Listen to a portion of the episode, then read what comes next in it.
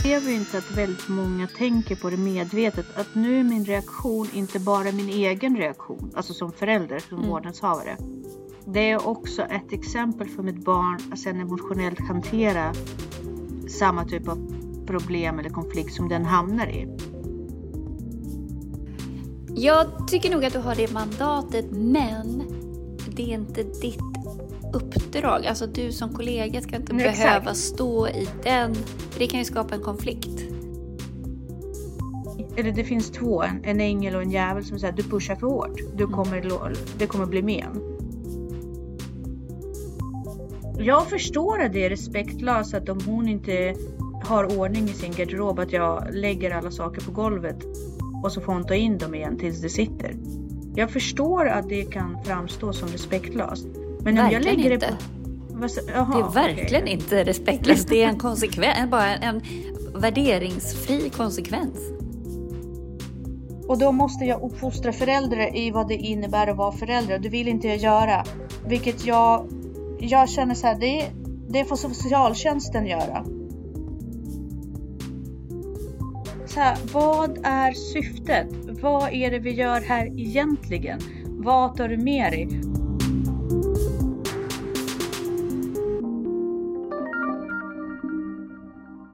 Hej Jessica!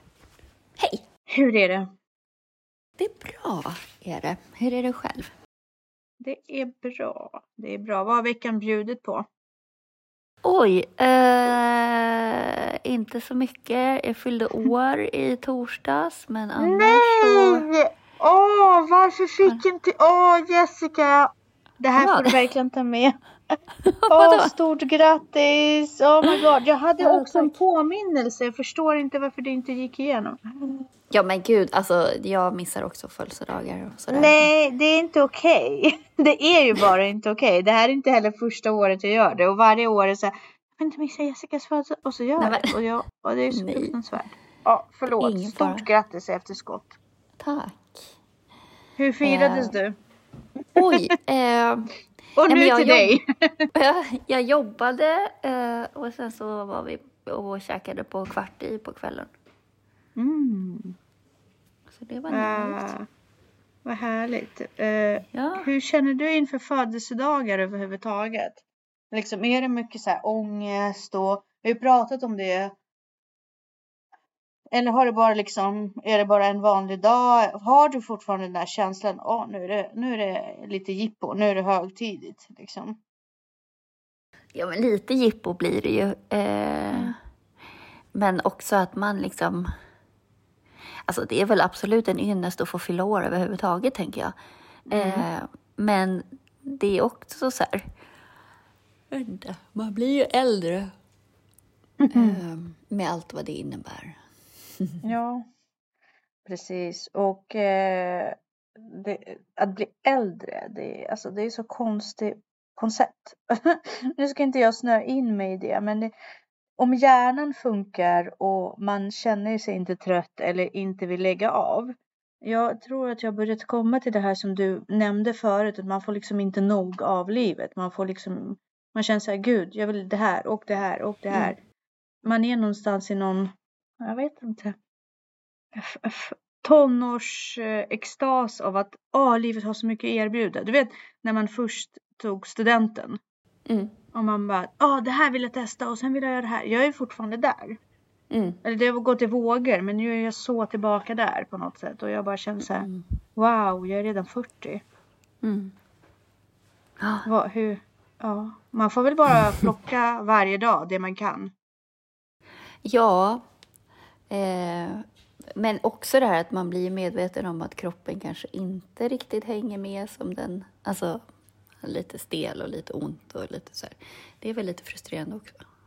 Ja, och trötthet framförallt. Den, är, den, är, mm. den har blivit väldigt jobbig att axa för nu handlar det väldigt mycket om att förebygga trötthet känner jag. Och ja. vila för att inte vara trött sen. Så det, det är någon Exakt. eländig ekorrhjul där man hela tiden jagar skedar. För att återkoppla till vår skedteori mm. som vi pratade om. Uh, mm. ja, vi har pratat om det i flera uh, avsnitt, liksom att man har bara en viss mängd energi och sen så försvinner mm. den. Mm. Men sen märker jag också att man blir mer irriterad på andra som Mm. stjäl ens energi. Mm. Jag har blivit typ hyper, hyper mån om att inte slösa min energi. Så när jag typ förlitar mig på att folk ska göra någonting Mm. och sen görs inte det, då blir jag så snopen, så snopen. Mm. Ja. För då, då, då involverade jag också där hela, hela kedjan av grejer som har lett upp till det. Måste tänka om helt. Man snör in sig. Ja, exakt. Vi har pratat om det här med energiförlust förut också och maten är väldigt mycket till grunden för det och så. så man måste börja eh, tänka lite mer kring det. Men det är inte det vi ska prata om idag. Det var bara en inledning. Vi säger varmt välkomna till Ansvarspodden.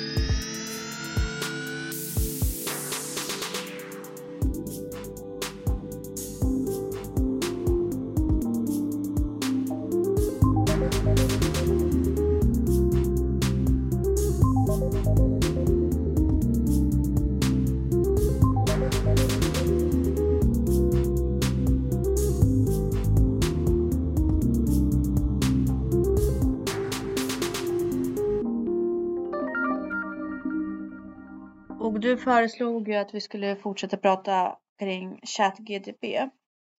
Ja, eller den här min fråga till ChatGPT snarare. Mm. Eh, vad anser du att de flesta vuxna behöver utveckla i sin personlighet? Mm. Eh, och vi pro- pratade ju lite förra gången om emotionell intelligens och eh, Mm. självmedvetenhet kanske. Mm. Eh, men även självständighet och ansvar. Eh, Precis. Men sen tog den också upp empati. Det går ju lite i hand med emotionell intelligens. Men, Pre- Precis. eh, men empatin är ju jätteviktig att kunna sätta sig in i andra Mm. människors... Och det, är, det har vi ju pratat om också flera gånger, att det är förvånansvärt många vuxna som inte förstår eh, förrän de själva är där. Mm. Så man, man jämför det med ett litet barn som Mm. går igenom olika utvecklingsfaser på grund av sin överlevnad tänker jag. Först är man ju väldigt egocentrerad eh, och sen med, med åldern och med tiden lär man sig att ha det här lite mer helikopterperspektivet, se några steg fram, se några steg bak, liksom kunna orientera sig Mm. i andras upplevelser och så vidare. När vi tappar det Mm. som mänsklighet eller som en generation och så vidare. Det, det måste ju signalera om någonting och det Mm. signalerar ju o- om att eh, vi inte är trygga. Mm. Eller vad, vad signalerar att vi inte har fått någon, någon, någon kvot har inte blivit uppfylld. Och jag tänker på det ofta i samband med föräldrar till eh, vårdnadshavare till barn. Nu ska inte jag utsätta några för, för diskussioner men jag märker att sådana grejer är ju väldigt, väldigt eh, inlärda av eh, barn. Mm. Ofta när jag pratar med en vuxen och säger ja ah, men ditt barn skulle behöva tänka på det här eller den här situationen hände och vi skulle behöva lära eh, hen att hantera det på det här sättet. Mm. Eh, och föräldern går in och bara Men varför då? Mm. Eller eh, jag ser inte problemet. Det är väl andras ansvar. Mm. Att man på en gång, alltså det är så inskolad. Det är Mm. så, alltså det är deras, det finns inte en enda, en enda sekund eh, marginal förrän de börjar ifrågasätta Nej. när man pekar åt deras håll. Mm. Och jag pratade om det med vår kurator och han, han sa så här. När jag får ett problem med mitt knä, då bruk, oavsett om det är på jobbet eller, eller i hemmasfär. Då tänker jag så här. Okej, nu hälsar jag på problemet. Det tyckte Mm. jag var väldigt fint sagt. Mm. Jag börjar inte lösa problemet eller eh, ignorera problemet, kritisera problemet. Jag bara hälsar på den. Mm. Eh, Men det finns ju väldigt få människor som tänker så på en gång. Eller jag kan säga så här. I min miljö, det jag stöter ihop med, Mm. så är det väldigt få människor som hinner hälsa på problemet innan de går i försvar etc. Mm. Och det är väl någonting som vi verkligen lär oss av varandra. Mm. Så om man inte har det i sin närhet, sin miljö, då blir man så låst med det perspektivet. Mm. Hur Ja. tänker du? Ja, precis. Och samtidigt måste man ju också ha förmågan att bolla tillbaka problemen dit de kom ifrån också. Men det handlar mm. ju om det här att ta ansvar. Eh, och ditt barn är faktiskt ditt ansvar. Eh, mm. men det, det är som du säger, att äpplet faller inte långt från trädet. Man brukar förstå varför vissa barn agerar som de gör när man träffar föräldrarna. Samtidigt som ibland ja. träffar man vissa föräldrar som man bara Oj, hur kan du ha det där fantastiska barnet? Eh, ja, så att det, det går ju åt båda hållen. Så. Mm. Eh, absolut. Gör det. Och det här modellering, alltså att föregå med exempel till sina barn hur man emotionellt stadgar sig emotionellt balanserar. Det, det, alltså jag upplever ju inte att väldigt många tänker på det medvetet. Att nu är min reaktion inte bara min egen reaktion, alltså som förälder, som mm. vårdnadshavare. Det är också ett exempel för mitt barn att sen emotionellt hantera samma typ av problem eller konflikt som den hamnar i. Ja, och det är jätteviktigt. Likadant när man bråkar hemma eller i relationer mm. och sådär. Man är ju alltid ett föredöme för sitt barn. Eller man har alltid chans att lära sitt barn hur man hanterar konflikter på ett bra sätt. Mm. Eh, det är därför det är så eh, förkastligt att involvera barn i konflikter om man inte själv är vuxen i den här konflikten. Mm. Eh, alltså som typ liksom i skilsmässor eller i familjebråk eller något sånt. Att man liksom utnyttjar, använder barnet som en bricka. Eh, men det är ju, jag tänker ju liksom att, att alla de här sakerna som vi behöver utveckla det behöver man ju utveckla hela tiden. Så att det är fascinerande också de här människorna, eller, eller det kanske är skönt i och för sig, människor som tycker att, inte reflekterar så mycket utan tycker att de är klara eller inte ens tänker på huruvida de är klara eller inte utan bara kör på liksom. Och det är där jag mm. tänker så här, det blir ju svårt återigen att, att jämföra sig med andra människor när man jobbar med helt olika saker och spelar på olika mm. spelplaner. Eh, Mm. Och man har olika mål i livet. Någon person kanske har karriär som mål i livet medan den andra bara vill utveckla och vara en bra person. Då går ju aldrig att jämföra de två personerna. Men är inte det en, en, en påbyggnadsfråga? Borde inte det vara alltså, mer observerat i vårt samhälle på något sätt? Vi borde ha, ha en mer förväntan på att det här med personlig utveckling, emotionell mognad, att det måste någonstans ligga i grunden. Mm. för att man ska kunna växa inom sin karriär oavsett vad. Alltså mer människor, ju högre upp i vilken som helst eh, eh, bransch man kommer, desto fler människor kommer på något sätt under dig. Ja, eh. samtidigt så håller ju ledarskaps, eh, ledarskapet på att förändras. Liksom, tänker jag mm. mer också att man går ju från ett väldigt så här, eh, centraliserat ledarskap det liksom bygger på en persons karaktär eller personlighet, att man är liksom en född mm. ledare, till att faktiskt ha ledarskap som är lite mer decentraliserade på något vis. Att liksom hela eh, organisationen är en organism och alla, alltså att det är mer platt och alla bidrar till utveckling och eh, att det liksom ett ledarskap är utspritt att man, det handlar om att få att organismen att fungera, inte att, folk, att du ska liksom synas och folk ska lyda dig, utan mer att, att du är något, någon form av osynligt hjärta som får kroppen att agera. Och liksom... Ja, jag förstår exakt hur du tänker. Vi jobbar väldigt mycket så, i alla fall på vår skola. Jag upplever definitivt att vi följer den modellen. Att oavsett hur man vrider och vänder det är klart att det finns redskap utifrån rektor, eh, biträdande etc. etc. Mm. Men, men vår, vår organisation är ju byggt väldigt mycket att, eh, att vi löser problem ihop. Mm. De problem som vi har tagit fram och lösa. Och det är väldigt, alltså jämfört med många andra ställen, är väldigt idylliskt på det sättet att vi jobbar verkligen tillsammans. Det finns liksom ingen konkurrens på det sättet.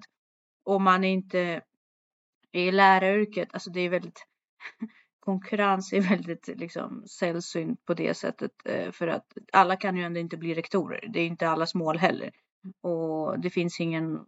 Man växer inte heller i någon form av status eh, på skolan eller någon form av nivå eller vad man förfogar över. Så man är ju lärare. Mm. Och eh, när vi sitter i det här så tänker jag också att men värdegrund måste vara en jätteviktig bas i det. Mm. Och eh, det finns ju de som är väldigt profilerade och väldigt duktiga på sin sak. Men man måste också i det här flytande ledarskapet också uppmuntra till att normer och värderingar, eh, hjälpa varandra att se fel eller problem ska jag säga ur rätt perspektiv. Det är inte dens problem utan hur kan vi hjälpa den att utvecklas i sin roll och så Mm. vidare. Samtidigt så tycker jag att man missar det här och bara men den här personen är inte kompetent för sin roll. Mm. Därför att den konfronterar vi aldrig längre. Nej. Och där tycker jag det blir lite problematiskt därför att beroende på bransch i och för sig, men vissa branscher eh, är så pass viktiga Mm. att, att det, liksom, det blir så strategiskt fel Mm. för alla inblandade om personer på plats är inte kompetent för sin roll. Mm. Med den delen, alltså i och med att vi, vår ledarskap är så flytande och så vidare, så blir det också väldigt luddigt kring vem är kompetent? Vad Mm. är normalt? Förstår du vad jag Ja, menar? Verkligen. Och där tycker jag att då blir det så här, men snälla du. Vi måste ändå kunna enas om en, en struktur, en ryggrad. Och sen bara matcha det mot ryggraden. Givetvis är det bra när allt flyter på och alla är harmoniska och vi kan sjunga kumbaya kring våra projekt och utvecklas fint. Men om, om det finns käpp, ett käpp i hjulet som verkligen liksom går emot. Så måste det finnas strukturer som fångar upp det. Och jag upplever, jag upplever inte att det är så. Eh, nej men precis, verkligen. Eh, men det där tycker jag också är mer i kommunal verksamhet. Där är man mycket luddigare och där är det mycket svårare att säga att någon är en dålig ledare. Eh, Mm. Men ja. Men det här, då kommer vi in också på nästa, det här med självmedvetenhet. Mm. Att, att vara medveten om sina styrkor och svagheter och när man gör ett bra jobb eller inte. Eller likadant så här, hur framstår man som vän eller kollega eller hur... Eh, hur... För man får inte vara för självmedveten heller, för det är ju destruktivt. Eh, Mm. Men annan form av genuin självinsikt. Den är svår, alltså jag tycker att den är svår och den är framförallt kanske inte svår för en själv som egen person. Den är väldigt svår att bolla med, alltså, med andra människor för jag upplever det är aldrig min mandat att gå och uppfostra mina kollegor eller tillrättavisa mina kollegor. Det måste komma från ledningen. Mm. Jag vet inte hur det ser ut i andra verksamheter som inte är skola. Mm. Men om jag blir satt på golvet i, ett, i en årskurs med mina kollegor och vi har ett Mm. möte Mm. så ligger inte det på mig att se till att alla har förstått det på samma sätt. Nej. Jag kan ju ställa frågor som, kring det som jag har Mm. och sen måste jag göra jobbet att, att liksom uppskatta, har jag fattat det här rätt? Och som alla andra. Mm. Men jag upplever ofta att folk lite skiter i eh, Mm. och eh, man tar sig inte ansvaret att faktiskt gå och undersöka, är det här rätt? Hur ska jag göra? Tydliggöra saker och ting. För överallt i de här små processer som blir luddiga så kommer det liksom till slutet eh, påverka att, det, att verksamheten inte blir stringent. Precis. Och då måste jag gå in och kämpa väldigt hårt för att odla fram essensen av vad är det vi håller på med egentligen. Mm.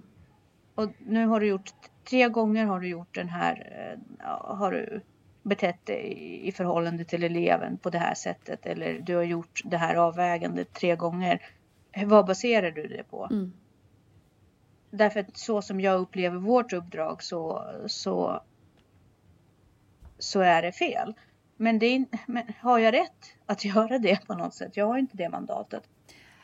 Jag tycker nog att du har det mandatet, men det är inte ditt uppdrag. Alltså du som kollega ska inte Nej, exakt. behöva stå i den, för det kan ju skapa en konflikt. Mm. Det ska du inte behöva stå i. Det är inte ditt ansvar. Nej, och, nej, men å andra sidan om jag inte åberopar den här situationen då blir det också att det slår tillbaka mot barnen. Men åberopar jag den här situationen bakom min kollegas rygg då blir jag också en skitsnackare. Så det, det, det är väldigt luddigt Mm. vad det innebär att vara en vuxen. Mm. eh, och ansvarsfull medarbetare och kollega tycker Mm. jag. Och därför förstår jag att man kommer av sig om man inte gör det som en av sina livsviktiga uppgifter att faktiskt sålla ut det här för sig själv. Mm. Vad är det du står för? Mm. Och då kan vi gå tillbaka till värdegrund och det är väldigt viktigt att du har en värdegrund Mm. som du hela tiden reflekterar och håller levande. Men det, det är en svår grej att gö- göra en organisation på en arbetsplats till exempel. Ännu svårare blir det till exempel i förhållande till sina egna barn. Jag vet ju vad jag upplever en bra förälder. Mm. Eh, Men sen är det väldigt olika. Alltså jag tittade på en film som heter Whiplash från eh, 2014. handlar om en trummis, jazzist eh, och han får på sin högskola en väldigt, väldigt eh, sträng och grym nästan lärare som lovar att ta dem till toppen, de som hamnar i hans band. Jag vet inte om du har sett den filmen? Nej. Annars kan jag verkligen star- starkt rekommendera det. Men han bryter också ner dem. Mm. Och själva poängen med filmen är så här, ja, de han tar till toppen är ju verkligen, får ju verkligen the glory så att säga. Mm. Men de är också ofta väldigt trasiga. på andra sätt. Mm. Därför det kostar dem det ena och det andra och det tredje. Mm. Och vissa bryts ner på vägen. Mm. Och då, eh, hela moralen där har eh, blivit så här, eh, ur den filmen så här, gör den här läraren rätt eller gör den här läraren fel? Mm. För den tar sina elever till toppen eller så försvinner de. Och lite samma sak i föräldraskap. Alltså, jag tappar ju bort mig väldigt ofta. Jag vet att mitt barn har ADHD, den har låg dopamin, den är svår att stimulera, den har lätt, eh, lätt att tappa fokus. Men jag gör de här emotionella eh, uproars liksom. Mm. Jag ifrågasätter henne och ibland väldigt tufft. Och bara, hur kan det här, du säger att du älskar mig eller du säger att du respekterar. Men det här fallerar gång på gång och du lovar mig att det ska bli för den. Och vi har väldigt mycket bråk kan man säga. Men jag, jag känner inte det bråk egentligen. Jag känner så här, rätt ska vara rätt. Mm. Men det finns alltid en sida i mig, eller det finns två, en, en ängel och en djävul som säger du pushar för hårt. Du Mm. kommer, det kommer bli men. Och en annan sida i mig som säger fast om du inte pushar hårt nog då kommer hon inte klara sig där ute. Nej, och det där beror ju på lite vad man lägger i begreppet pusha. Alltså... Ja. Eh, Mm utifrån... Alltså någonstans finns det ju liksom rätt och fel. Eh, och som du säger, att vissa saker måste man kunna hantera. Men det viktiga är väl att hela tiden ha en dialog utifrån också så här, hur känns det? Hur tänker du? Eh, varför blev det här jobbigt? Eller vad det nu kan vara. Eh, så att man samtidigt som man pushar också stöttar. Tänker jag. Mm. Eh, för det är klart att man måste liksom... Du måste bära ett sparkande och skrikande barn till skolan som inte vill gå till skolan.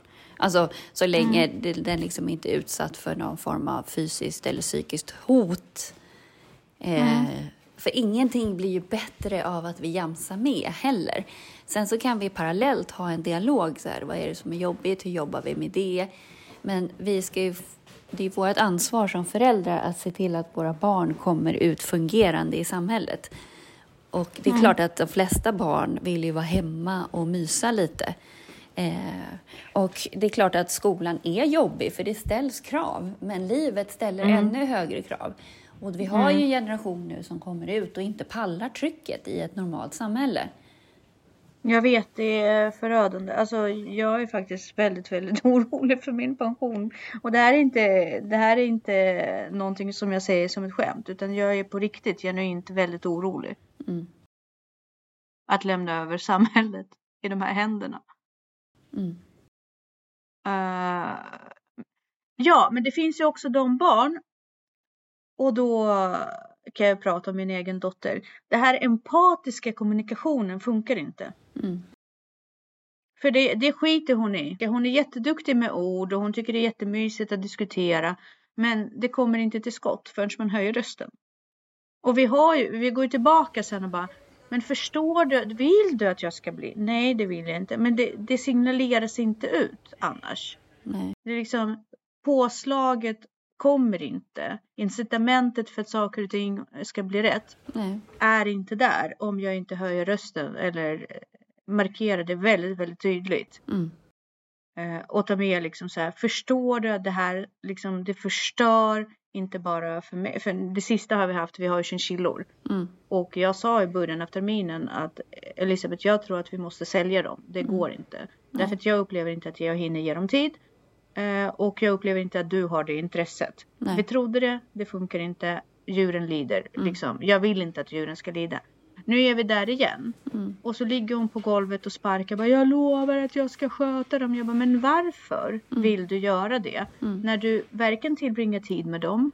Vad håller du fast vid? Vad är Mm. det egentligen? Men de är så söta, jag älskar dem. Nej, men Fast det gör du ju inte om du inte bryr dig om dem. Liksom. exakt. Och eh, då börjar hon bli ledsen och arg och då blir jag ledsen och arg och till slut så är det, har jag ett super, super ledset barn. Mm. Men det värsta är att tre dagar senare så är vi tillbaka. Mm.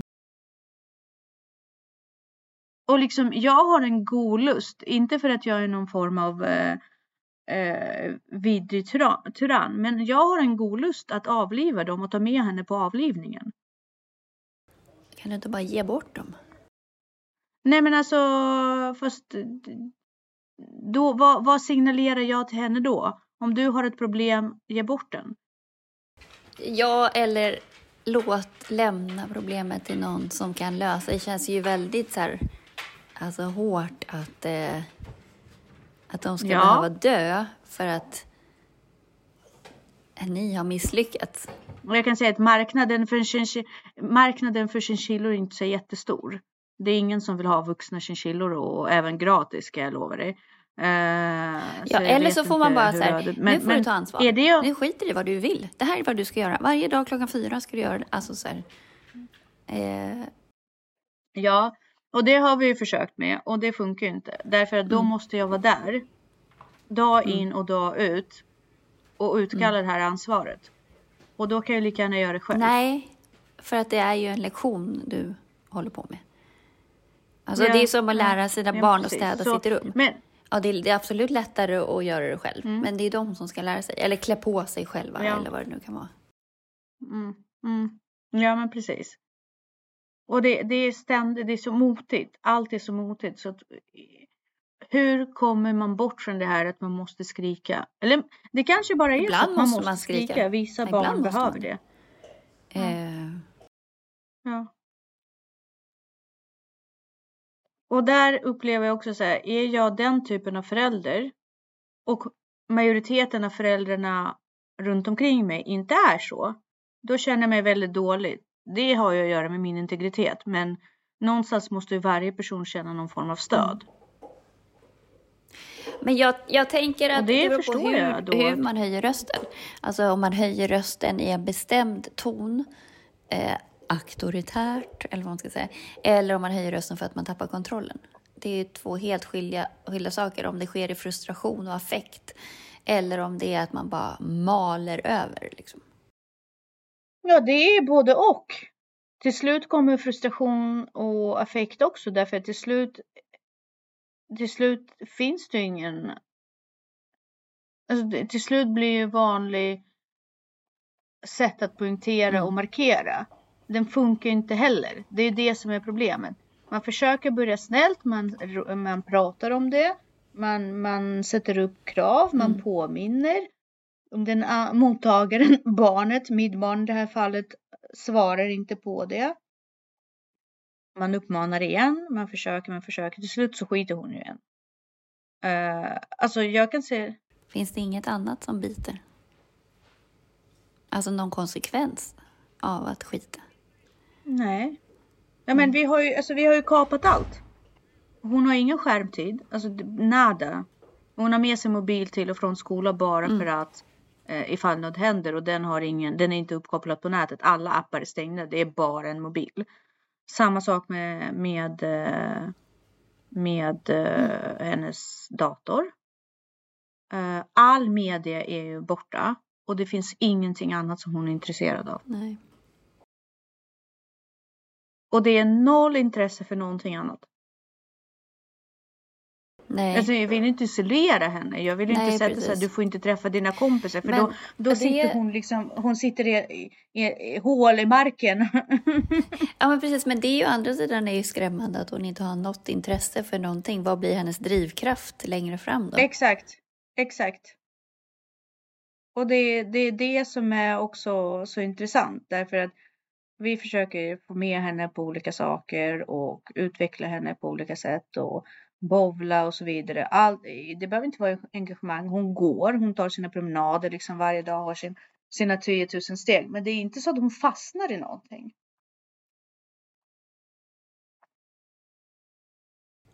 Och Ja. fastnar hon i någonting, då är jag så rädd om det. Som nu har hon fastnat för att läsa mangaböcker. Mm. Då kan inte jag använda det som en eh, Nej, eh, mot henne. Därför då är jag så glad att hon faktiskt har fastnat för något. Mm. Och hon är så duktig på det där. Så till slut finns det inget annat att gå på än någon form av emotionell utpressning. Och så här, vad är det som gör att du ser att jag blir arg och lider Mm. och du ändå väljer bort det?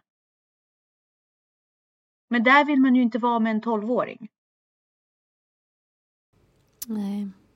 För då lägger man över för stor emotionell ansvar på henne.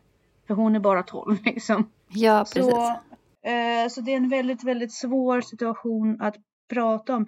Även utifrån egen emotionell mognad. Därför att emotionellt moget förstår jag att det här är inte ett problem hos henne. Någonting i hennes omgivning låser henne eller gör att hon inte kan blomma ut eller vad det nu kan vara. Men rent praktiskt. Mm. Jag förstår att det är respektlöst att om hon inte har ordning i sin garderob att jag lägger alla saker på golvet och så får hon ta in dem igen tills det sitter. Jag förstår att det kan framstå som respektlöst. Men om jag Verkligen lägger inte. det på... Jaha, Det är verkligen okej. inte respektlöst. Det är en konsekvens, bara en värderingsfri konsekvens. Ja. Men det, det kanske Alltså- någon skulle tycka. Men däremot om jag lägger det på hennes Ja. säng och bara tar in det, då kommer hon ju bara kliva Ja. under det. Ja, precis. Hon kommer anpassa sig. Men någon, också så här, det där är ju jättesvårt att man liksom säger, men ursäkta, du måste bete dig som en människa. Alltså, Ja. du kan inte gå runt och bete dig som ett murmeldjur. Att Ja, man liksom då- någonstans måste vädja till liksom, alltså så här, det, och då går man in på att man börjar förelämpa därför att jag vill inte jämföra henne med murmeldjur eller en gris eller vad det nu kan vara.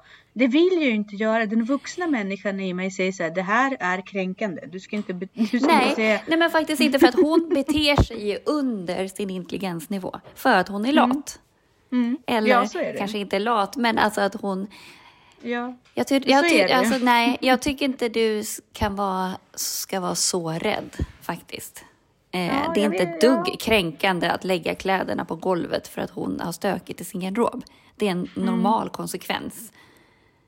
Ja, ja, jo. Så att jag tror och att- det tycker att- ju min fantastiska partner också. Han säger det. att Om hon höjer ribban, då måste du på något sätt ta oddsen och, och köra högre spel med henne. Därför Mm. Ja. att i, slu, i slutändan så kommer det landa någonstans som kommer tröttna på att se sina saker på golvet varje kväll och göra det. Men vet du vad min Det är största sig- rädsla är?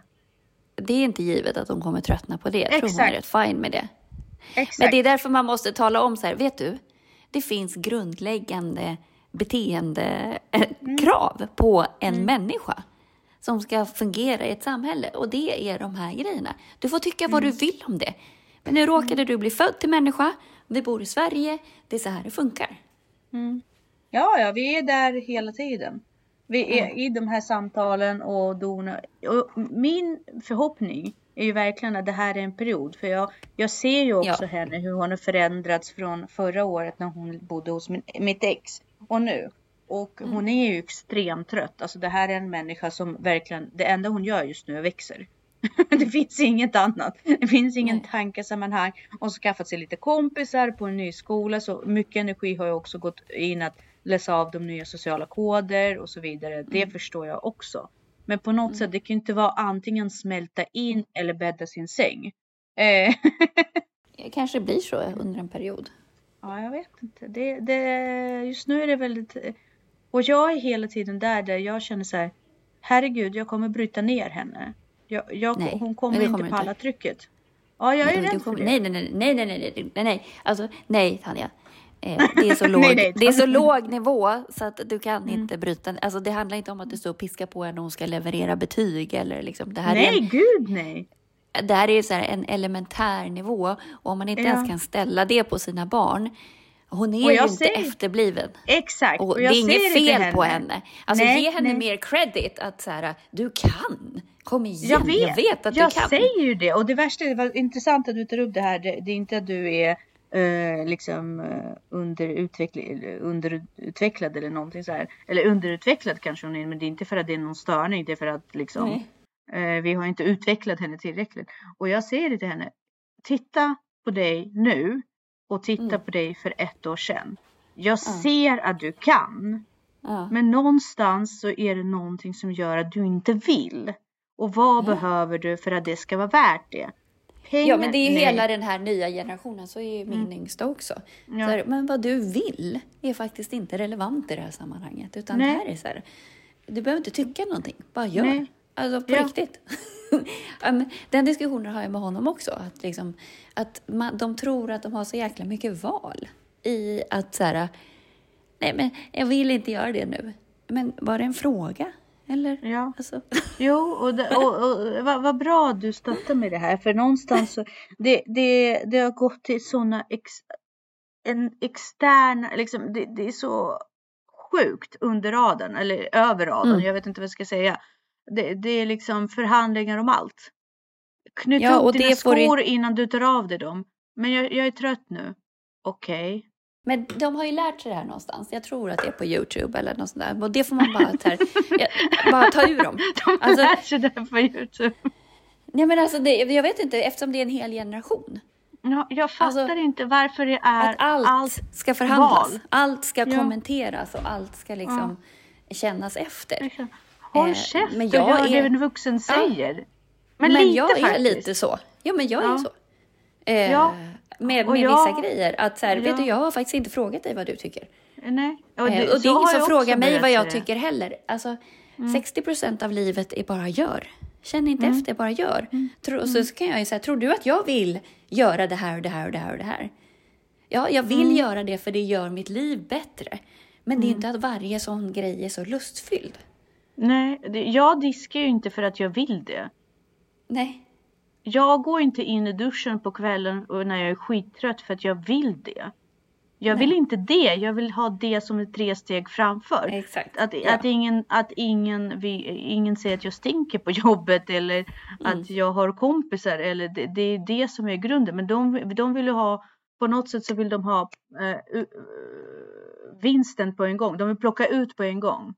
Sen har ju tyvärr våran föräldrageneration har ju också lärt dem att allting, ingenting görs utan belöning. Det är lite så här what's in it for me hela tiden. Att liksom, man, man kan förhandla, man kan opponera sig, man kan trötta ut. Och det tycker jag är så sjukt respektlöst och provocerande. Det här uttröttandet, det är ju psykologisk terror som de här barnen håller på med. Eh, Ja, och okej att de gör det mot sina föräldrar, men när de börjar göra det i skolan, och mot sina vänner. ja och sina lärare och liksom, det är inte okej. ja, mot, nej. Och det, det är det som är så himla eh, intressant. Om jag kommer och säger du ska göra det här och så får jag ett svar jag vill inte. Och det här är från mina elever också. Mm. Men Men, det jag har tråkigt. börjat fråga dem så här, Ja. eh, eller säga till dem att så här, vet du, det var inte en fråga. Eller att, Ja, ja så gör jag Liksom, också. ja, Så alltså, gör jag också. Men vet du, jag är så rädd att jag kommer bli så här, satt på plats. Fast det kan du inte någon bli annan. av, Nej, nej av, men alltså. av en kollega jag, eller? eh, nej, men en vuxen eller en, en, annan en annan förälder som bara säger Nej, Hur men kan så du länge säga du- så till mitt barn? Ja, så länge du tror på dig själv. Ja, det gör jag Och- ju. Alltså, Ja, och du kan, har argu- hamnat i du kan berätta varför tjafs. du säger en sån sak. Mm. Så kommer ingen sätta sig på dig. För att så länge du är tydlig i ditt ledarskap så Ja. kommer ingen säga någonting. Ja, Och så länge det- de flesta vuxna vet ju att det är egentligen det där som behövs. Alltså Ja, de har ju och det- skitjobbigt själva med sina barn. Liksom. Det är det och jag känner så här. Om man har tillbringat sitt liv för att serva sitt barn eller de Mm. här åren som ditt barn har levt Mm.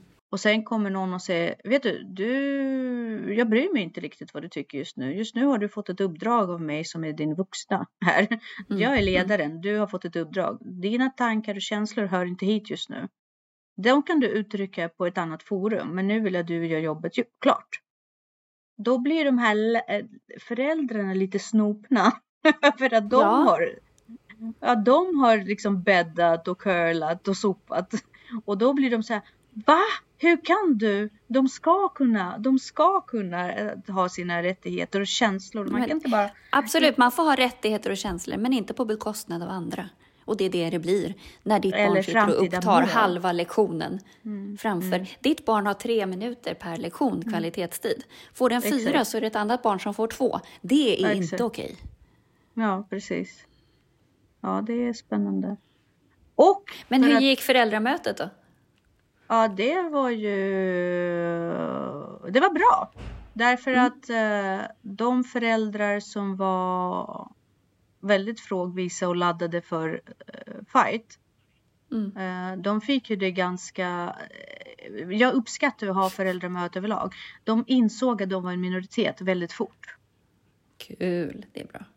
Ja, och när man, när De man får ofta- andra ögon och annan förhållningssätt, man ser, inser att man, då kanske man inte längre vill fightas. Nej, då, då rättas man lite i led och därför tycker jag att egentligen så borde man ha föräldramöten mycket oftare.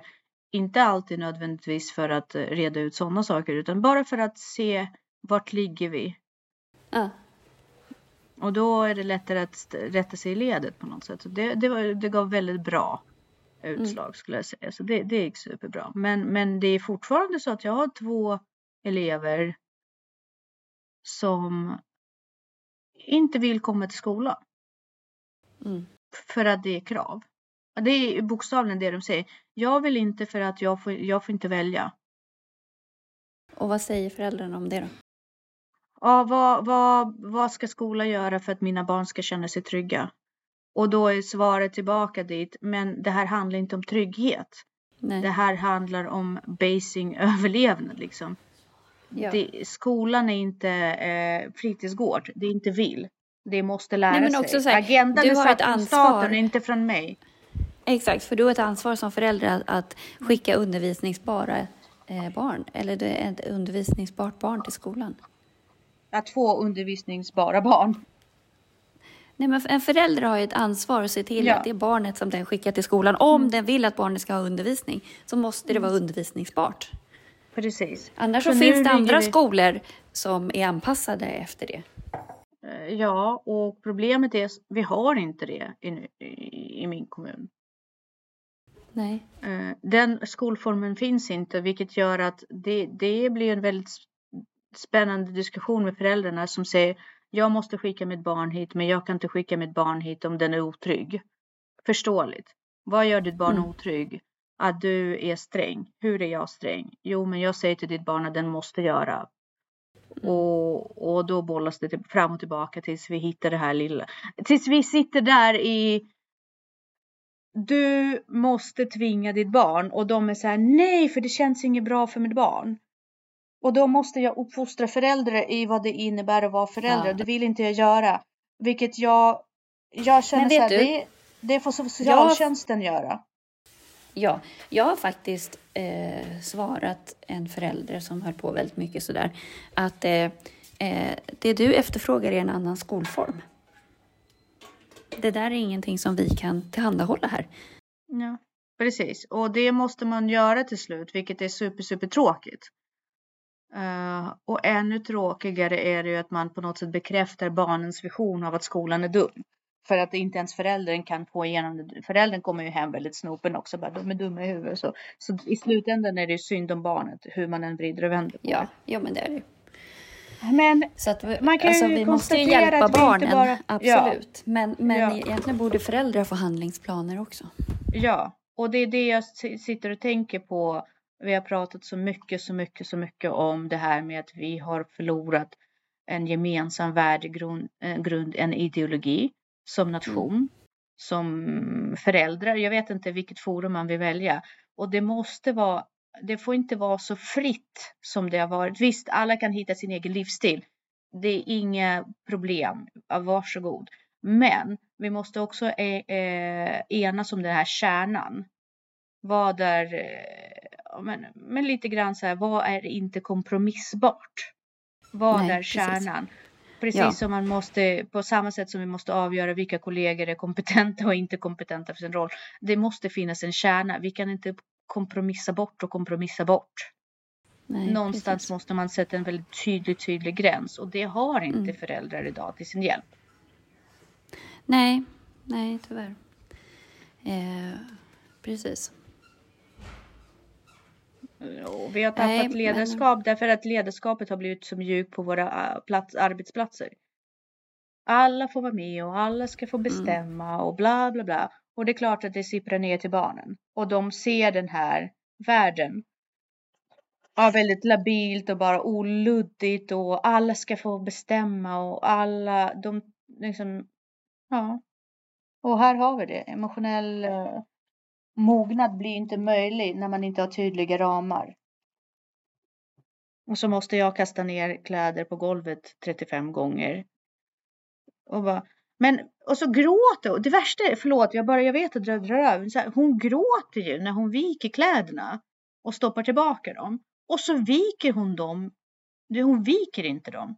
Jag bara, men ser inte du vad du gör? Du vill ju sluta gråta. Du vill att det här terror som du uttrycker det ska, ska avslutas.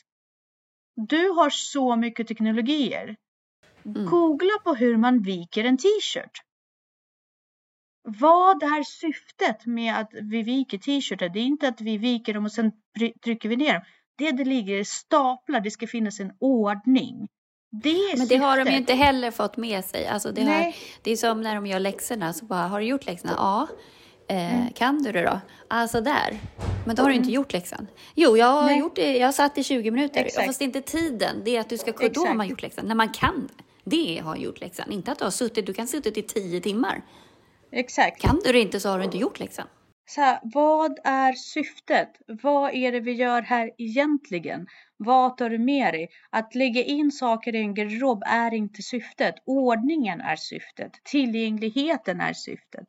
Och någonstans så tappar vi bort det. det måste, allt måste verkligen så här på basnivå. Och sen blir folk så här, men det är lite autistiskt. Nej, det är nog inte det. Jag tror inte att det är lite autistiskt. Jag Nej, tror att det handlar om att vara väldigt, väldigt, väldigt tydlig. Ja, absolut. Och sen bara, här är dina t-shirtar, de är 150 stycken. Se till att de får plats i den här lådan. Det här, lös problemet. Nej, det här är inte okej. Nej, det här Sen får man välja sina strider också. Det kanske Ja, får vara en stökig garderob i några år. Liksom. Ja, jo, givetvis. Det här var ju, tro mig, jag strider. Tyvärr, tyvärr, tyvärr. Ja, du. Ja. Toppen, eh, toppen podd. Toppen! Toppen Ja, men perfekt. Men vi hörs nästa vecka. United. Ja, nej men alltså på riktigt. Vi måste vara lite mer, ja, lite mer Verkligen. krav. De kan bättre. De kan Verkligen. bättre. Jag vet att de kan Absolut. bättre. Verkligen. Eh, Vi hörs nästa vecka Jessica. Det gör vi. Ha det. Kram. Kram, hej. Hej.